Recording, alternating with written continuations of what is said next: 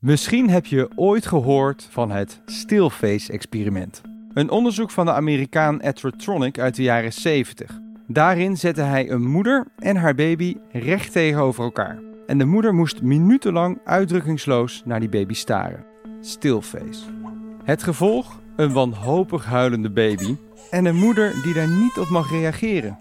Het stillface-experiment van Ed Tronick, die heeft hem echt heel bekend gemaakt, in ieder geval in wetenschappelijke kringen. Dit is babybreinonderzoeker Marion van de Heuvel. Hij heeft eigenlijk voor het eerst aangetoond dat uh, de moeder niet alleen aanwezig moet zijn en eten moet geven, maar dat ook de moeder moet reageren op het kind om een band op te bouwen. En vandaag gaan wij dit experiment herhalen. Ja, mag je haar speelgoed afnemen? Beetje zielig, maar... Want het onderzoek was baanbrekend, maar later kreeg het ook kritiek. Wat een gek experiment. Hoe vaak gebeurt dat nou? Dat je tegenover je kind zit en totaal niet reageert.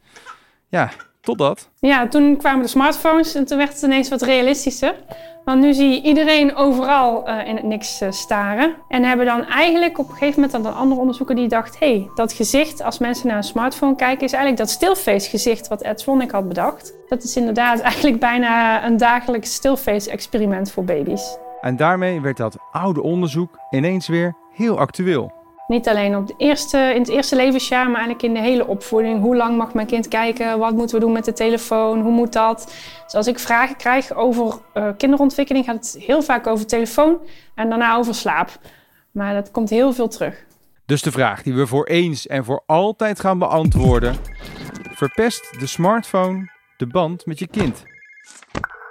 Dit is de Universiteit van Nederland en vandaag zijn we op bezoek bij Marion van de Heuvel van Tilburg University.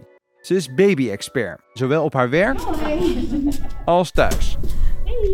Waar ze moeder is van de zes maanden oude Flynn. Ja.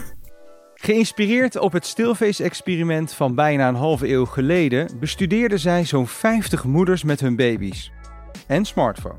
Moeders, net als jij Marion, maar even voor de duidelijkheid. Waar zijn de vaders in dit onderzoek? Ja, vaders. Alles wat ik doe geldt ook voor vaders. Maar uh, ja, vaders die melden zich heel veel minder aan voor ons onderzoek. We doen onze marketing gewoon zeg maar, over ouders. Maar toch uh, komen er dan vooral moeders. De beelden van het originele stillface-onderzoek zijn ongemakkelijk om naar te kijken. Een moeder die niet reageert, terwijl haar baby wanhopig op allerlei manieren probeert haar aandacht te trekken. Maar Marion, die ziet dat anders. Als je tijdens de stilface dus ziet dat de baby heel erg gaat huilen, uh, overstuur raakt, dat is eigenlijk een goed teken. In ieder geval in deze vreemde situatie dat je helemaal niet zou reageren. Dat betekent namelijk dat het kindje niet gewend is dat dat gebeurt. Um, dus dat normaal gesproken als het kindje gaat huilen, dat de ouder dan reageert. Um, en dat het getroost wordt. Die reactie zegt iets over de band die jij hebt met je kind. Een band tussen een ouder en een kind, die ontstaat al tijdens de zwangerschap. Uh, dan ben je al met je kindje aan het praten. De moeder voelt natuurlijk het kindje al in de buik. En al dat voelen, knuffelen, ruiken, zingen, spelen samen, dat zorgt allemaal dat je uh, aan je kindje gehecht raakt en dat je kindje aan jou gerecht raakt. Uh, ook biologisch. We zien dus ook echt in hersenscans, als we een foto maken van bijvoorbeeld moeders als ze nog niet bevallen zijn en als ze wel bevallen zijn, dan zie je echt verschillen. Um, je ziet echt uh, sommige gebieden die te maken hebben met uh, emoties en, en zorgen voor iemand, die zie je groter worden. En andere gebieden die zie je juist verkleinen worden na de zwangerschap. Dus hoe meer veranderingen je in je brein hebt gehad, hoe beter ze ook kunnen zorgen voor kinderen. Een voorbeeld daarvan is dat je bijvoorbeeld in bed ligt en dat je ineens heel stil ergens je baby hoort huilen. Nou, de meeste moeders zijn er ontzettend goed in. Die worden meteen wakker. Uh, en die horen meteen hun baby. En die weten ook nog meteen wat er aan de hand is. Terwijl iemand anders, die hoort het misschien helemaal niet. Uh, maar dat komt dus vooral door die hersenveranderingen. En dat je daar zo goed op toegespitst uh, geraakt wordt. Bij vrouwen die komen er niet onderuit. Want die hebben al die hormonen al tijdens de zwangerschap. Maar mannen, die moeten ervoor kiezen. Dus die moeten eigenlijk kiezen dat ze hun brein veranderd willen hebben. En dan zul je ook zien hoe meer ze zichzelf trainen, hoe meer ze ook hersenveranderingen krijgen.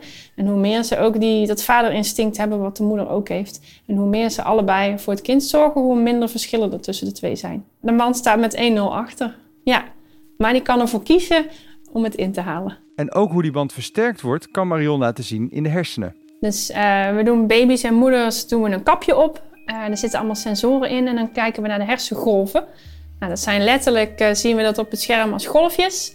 Maar op het moment dat moeders en baby's eh, contact gaan hebben, oogcontact, eh, samen spelen, zien we dat die lijntjes gaan synchroniseren.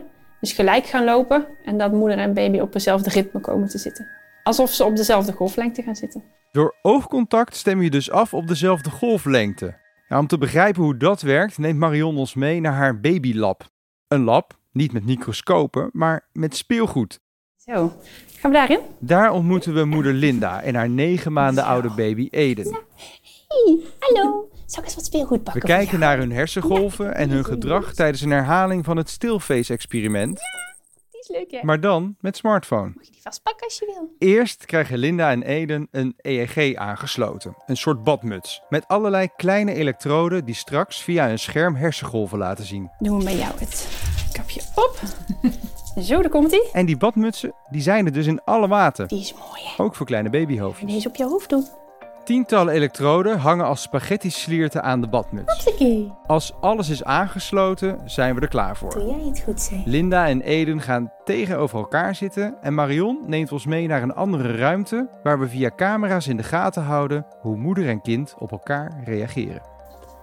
Even wat harder. Zo. Via de microfoon kunnen we ze door het experiment loodsen. Hallo. En dan Je mag heel even spelen. komt het stilface moment. Mag je het boekje weer afnemen en op de telefoon kijken. Eerst is baby Eden nog niet echt onder de indruk, Ja, oh, dit is... Ja, nou begint het. maar dan. Nu begint ze boos te worden. Ja, en dan zie je dus de rug bollen. Je ziet dat kinderen zich zo gaan overstrekken. Je ziet handjes heen en weer flapperen. Ze wil echt heel graag aandacht. Het wordt steeds hoger om echt de aandacht te trekken. Ze krijgt hele hoge huiltjes. Ze stopt ook steeds om te kijken of mama reageert. Gapen om proberen zichzelf te kalmeren.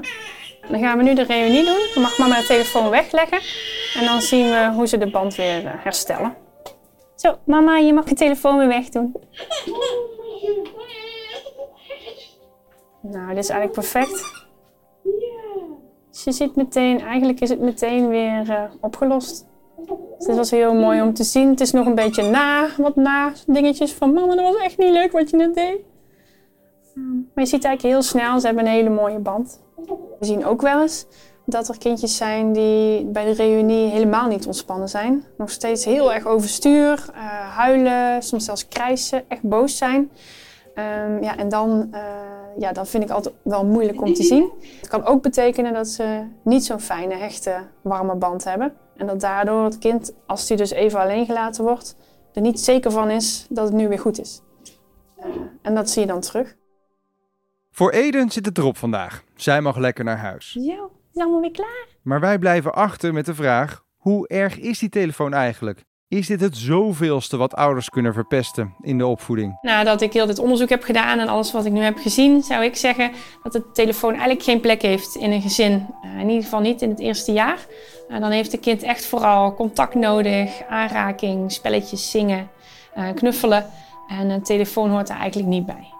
Ja, er zijn natuurlijk ook andere activiteiten waar je mee bezig kunt zijn, zoals koken. En dan ben je ook eventjes met iets heel anders bezig. Maar wat er zo eh, bijzonder is aan die telefoons en zo vervelend eigenlijk, is dat je er echt helemaal ingezogen wordt. Nou is het natuurlijk niet zo dat als je af en toe op je telefoon kijkt, dat je kind dan hersenschade oploopt. Het is alleen een probleem als dat dus heel vaak voorkomt en als de baby uiteindelijk heeft geleerd, mijn moeder is er niet voor me.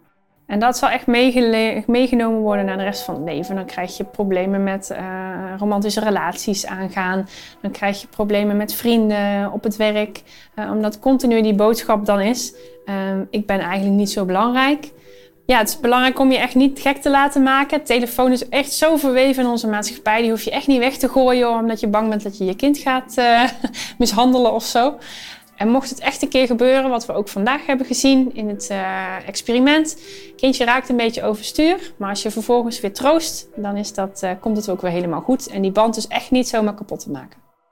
Misschien wordt het eens tijd dat we het gaan hebben over de schermtijd van ouders in plaats van die van kinderen. Vond je dit nou een leuke podcast om te luisteren of een leuke video om te kijken? Vergeet dan niet te abonneren. Daar worden wij bij de Universiteit van Nederland heel erg blij van. Tot de volgende!